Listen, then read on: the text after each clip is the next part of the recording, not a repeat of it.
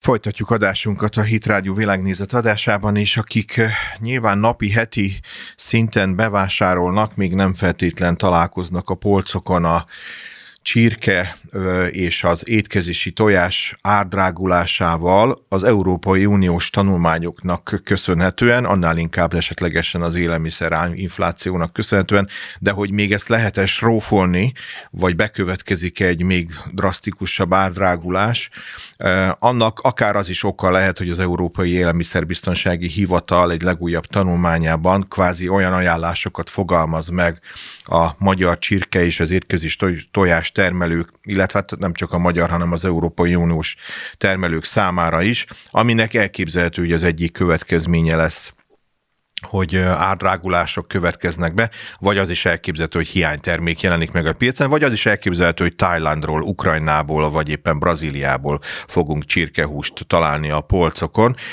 Ezzel kapcsolatosan azért majd lesz egy keresztkérdésem beszélgető partneremhez, de először szerintem érdemes lenne meghallgatni, hogy mi is ennek a tanulmánynak a háttere, és ennek milyen következményei lehetnek ma a szakmára. Dr. Csorbai Attila, a Baromfi Terméktanács elnök igazgatója van velem a vonalban. Jó napot kívánok!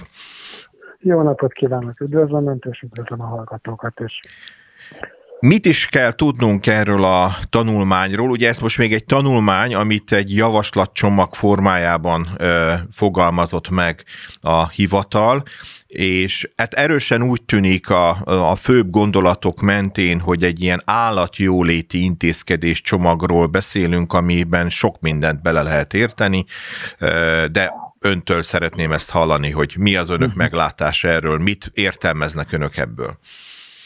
Hát köszönöm szépen a kérdést, ezt érdemes tisztázni, hogy ez a testület, ez egy tudományos tanácsadó testület, amely általában a bizottságnak ad különböző szakmai véleményeket, és hát nekem csak annyi volt az elsődleges problémám, hogy ezt a tanulmányt én ezt nem tartom különösebben tudományosnak, de rendkívül egyoldalúnak gondolom, hiszen csak kizárólag ezt az etikai szempontot próbálta meg figyelembe venni a munka során, hogy mégis mi lehet jó az állatnak. A tudományos kérdésekben azért nem is mennék bele, mert, mert ezt egy tudományos testület már vizsgálja egyébként a szakmai közösségen belül, a baromfi szakmai közösségen belül, és már több olyan jelzést és pontot kaptunk, aminek már tényleg azt mondhatom, hogy talán billeg egy kicsit ennek a tudományos háttere is, ami a legjobban jellemezni ezt a tanulmányt, hogy butaság. Az AVEK elnöke, az Európai Baromfi Vágóhidak Szövetségének elnöke egyébként abszurdnak és perverznek titulálta két szóban ezt a tanulmányt, és azt mondta, hogy, hogy ilyen butaságot leírni, ami ebben a tanulmányban szerepel, nevezetesen azt, hogy az állatok tartási körülményét oly mértékben változtassuk meg, ami gyakorlatilag ellehetetleníti a termelést, és ezáltal ellehetetleníteni gyakorlatilag a fogyasztók hozzájutását ezekhez az egészséges termékekhez.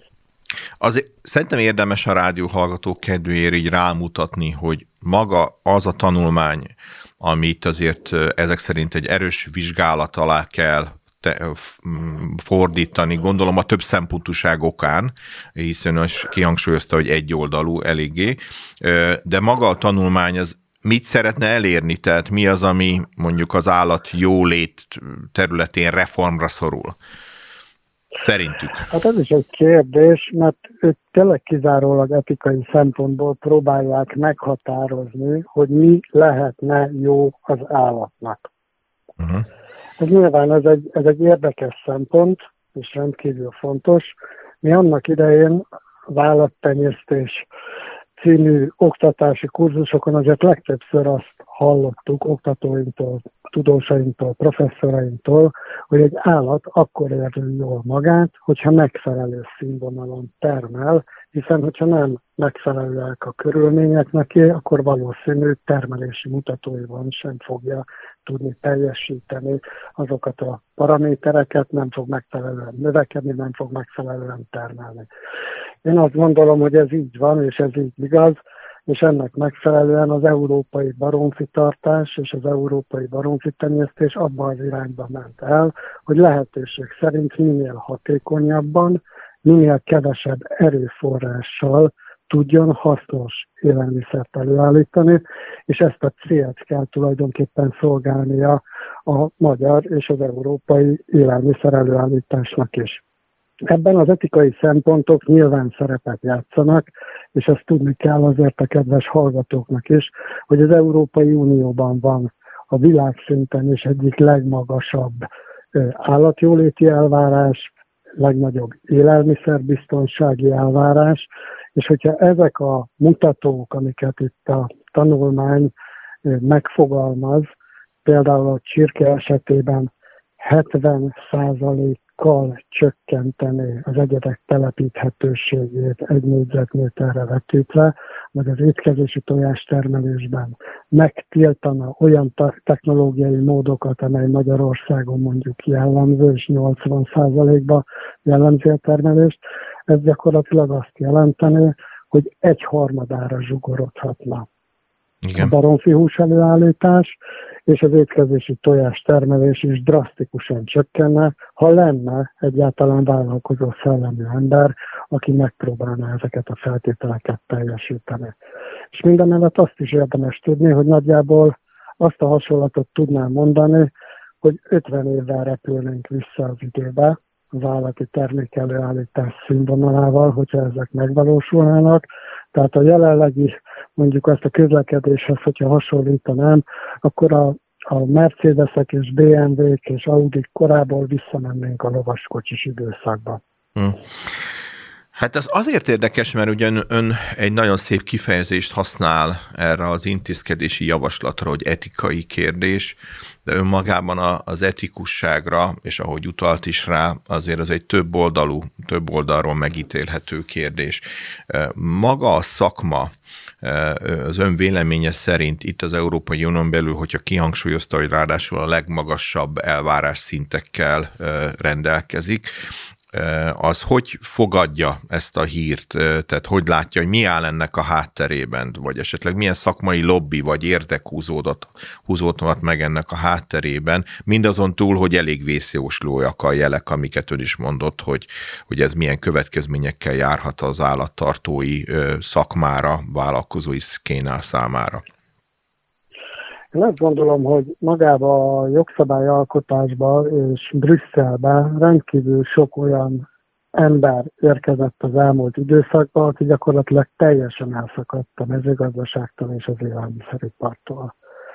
Amúgy a lakosság is elszakadt, hogyha belegondolunk, hogy ma már a lakosság nagy része városokban él, gyakorlatilag nem foglalkozik önálló termékelőállít, hatással, ugyanakkor a boltban találkoznak legtöbbször a gyerekek először például állati termékkel, sokkal hamarabb, mint például korábban falvakban, amikor még saját előállítású terméket állítottak elő. Na de hogyha ezek az emberek hatalmat kapnak, és jogszabályalkotási lehetőséget kapnak, akkor bizony előfordul az, hogy, hogy megszületnek azok a butaságok, azok a szakmai hozzá nem értősek, ami, aminek az egyik következménye lehet ez a tanulmány, és sajnos az a várható tendencia, hogy egyre több ilyen tanulmány fog megszületni az elkövetkező időszakban, hiszen napirendben van más állatfajoknak az mhm. állatjóléti szempontú elemzése is. Tehát sajnos ezzel senki nem tud elmenekülni ezzel a butaság elől. Nekünk szerintem az a feladatunk, hogy szakmai érvekkel megmutassuk, hogy az, amit csinálunk, azt jól csináljuk, és az, amit csinálunk, azt így kell csinálni, mert minden más út, amit meg lehet próbálni, de, de valószínűleg sikertelen lesz, és nagyon komoly gazdasági, társadalmi és környezetvédelmi következményei lesznek. Erre szálljunk még pár percet erre a felsorolásra, egyrészt a gazdasági, társadalmi és környezetvédelmi preferenciákra, mert szerintem önmagában, mint következmény sorozat megér pár gondolatot. Egyetértek. Kezdjük az elején. Jó. Gazdasági fenntarthatóság egy termelési folyamat akkor tartható fenn gazdaságosan, ha a terméklánc végén értékesíteni tudom a termékemet, ehhez megfelelő árviszonyok kellenek.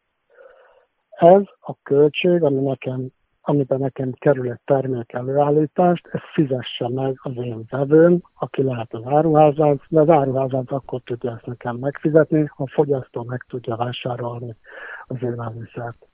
Abban az esetben, hogyha a tanulmányban szereplő különböző irányvonalak jogszabályszerűen be kell, hogy tartva legyenek, akkor a termék előállítás költsége drasztikusan megnő. Ez azt jelenti, hogy nagyjából egy olyan termék, amit itt a tanulmány kigondol, két-háromszoros árába fog kerülni a jelenlegi termékelőállítási módokhoz képest. Hm. Részben azért, mert lényegesen több energiát fogunk rá elkölteni, tehát nagyobb energiafelhasználással, nagyobb takarmányfelhasználással lényegesen alacsonyabb hozamokat fogunk tudni elérni az istálóból. Tehát ez azt jelenti, hogy megnöveltem a terméknek a költségszintjét, úgy, hogy hasznos hozadéka egyébként nem volt, vagy látható, fogható, érzékelhető minőségbeli javulást nem értem el, és nagyon sok fogyasztó lesz, aki nem fogja tudni megvásárolni az aktuális állati terméket, legyen az csirkehús, vagy éppen étkezési tojás, mivel olyan termékelőállítási költségei vannak, és ennyiért fog bekerülni a boltba. Talán itt megszakítanám egy pillanatra, Igen. nem másért, csak azért, mert a bevezetőmben is egy kicsikét ilyen bulvárszagú volt talán, de azért ezt gazdasági szaksajtókból olvastam ki, hogy ennek az intézkedési javaslatnak a megvalósulás esetén keletkezhet egy olyan piaci rés, ahonnan akár egészen ö, ö, többenetes távolságokból, destinációkból ö, érkezhetnek termékek olcsóbb áron. Hisz a piac úgymond az olcsóbb irányába fog tudni elmozdulni, vagy legalábbis ebben bíznak, és ezért aztán akár olyan harmadik országbeli területekről is érkezhetnek termékek az európai piacra, ami, ahol már megéri idehozni. Nekem egy kérdésem van ezzel kapcsolatosan, még hogyha ez piacilag igaz is ez az állítás, hogy harmadik országból érkezhetnek akár baromfi termékek, hogy ezeknek az országokkal szemben is lehet érvényesíteni akkor az állatjóléti intézkedéseket, vagy sem?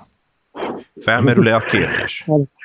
Egy kicsit megmosolyogtató a kérdés, mert meg provokatív is. Az Európai, az Európai Unió eddigiekben sem tett semmiféle ellenőrző lépést annak érdekében, hogy az import termékek esetében megkövetelje ugyanazokat a sztenderdeket, amit az Európai Unióban már évek, évtizedek óta ezt Tudom, hogy nem önnek kell feltenni ezt a kérdést, de hát az ott élő állatokkal szemben az etikai kérdések nem etikai kérdések, tehát hogy, hogy ez egy kicsit szerintem ez egy ilyen, szokták most mostanában mondani, ez a kettős mérce. Kettős mérce, igen, ez a kettős mérce teljesen nyilvánvaló esete, tehát még Brazíliából óriási mennyiségeket importál az Európai Unió, gyakorlatilag semmi nem olyan ellenőrzés, konkrét ellenőrzés a megfelelőségeknek nincs, hogy a termékek valóban megfelelnek-e az európai elvárásoknak. Számtalanszor volt olyan botrány, amikor például szalmonella fertőzött húsok érkeztek be, és egyszerűen csak nyilatkozni kellett a brazil beszállítónak, hogy ő mindenben megfelel az Európai Uniós követelményeknek, ezt az állítását ugyanakkor soha senki nem ellenőrizte. Hmm. Pontosan ugyanez a helyzet egyébként az Ukrajnának nyújtott ö, politikai kedvezmény nyel, amikor is ugye Ukrajna különböző mezőgazdasági és élelmiszeripari termékeket szállíthat az Európai Unió területére vámmentesen, a politikai kedvezmény részét értjük, felfogjuk, ugyanakkor azt gondolom, hogy nagyon komoly élelmiszerbiztonsági kérdéseket vet fel, hogyha ezeket a termékeket nem ellenőrizzük, és azoknak a megfelelőségét nem tudjuk garantálni az európai fogyasztónak. Igen, igen. Jó, nézzük meg azért a társadalmi és környezetvédelmi összhatást is. Szerintem záró gondolatnak még mindenképpen megéri ezzel is foglalkozni. A társadalmi hatásokról mondanék igazándiból annyit, hogy egy másfél hete én ázsiai országban jártam, ahol a legnagyobb kérdés az az volt, hogy lesz-e mit tenni a jövőbe, hogyan fogja tudni egy adott termékpálya a lakossági igényeket kielégíteni. És akkor most itt kanyarodjunk vissza arra, hogy mi egy állatjóléti etikai kérdést sem gondolkozunk itt Európába, mert nem fogjuk azt fel, hogy gyakorlatilag néhány év múlva a Föld lakossága el fogja érni a 9 milliárd főt. Elképzelhető, hogy a tizet is. Ehhez csak olyan élelmiszer előállítási technológiák lesznek képesek ezt a méretű lakossági, lakossági élelemigényt kielégíteni, amelyek a lehető legkisebb erőforrás felhasználása mellett képesek hasznosítani a termőföld, vagy éppen az állati termékek esetében az állattenyésztés színvonalát így fogjuk tudni megemelni olyan szintre, hogy ennek a lakosságnak legyen elegendő mennyiségű élelmiszere. Itt nem tudunk eltekinteni attól, hogy én értem az állatjólét fogalmát, de egy grafikon ugrik be nekem egyből, amikor a világ éhezőinek számát mutatta be a FAO egyik képviselője, és mutatta be, hogy bizony jelenleg is kb. 800 millió olyan ember van, aki az éhínség határán éli meg a mindennapjait. Tehát ez egy nagyon komoly szociális kérdés lesz a jövőben, hogy lesz-e elegendő élelmiszer, és valóban elő fogjuk tudni állítani, hiszen a Föld erőforrásai korlátosak, gondoljunk itt az ivővízre, a termőföldre, és hogyha ezt nem tudjuk megfelelően hasznosítani, akkor bizony itt nem elképzelhetetlen, hogy őséglázadások és egyéb társadalmi feszültségek fognak kibontakozni.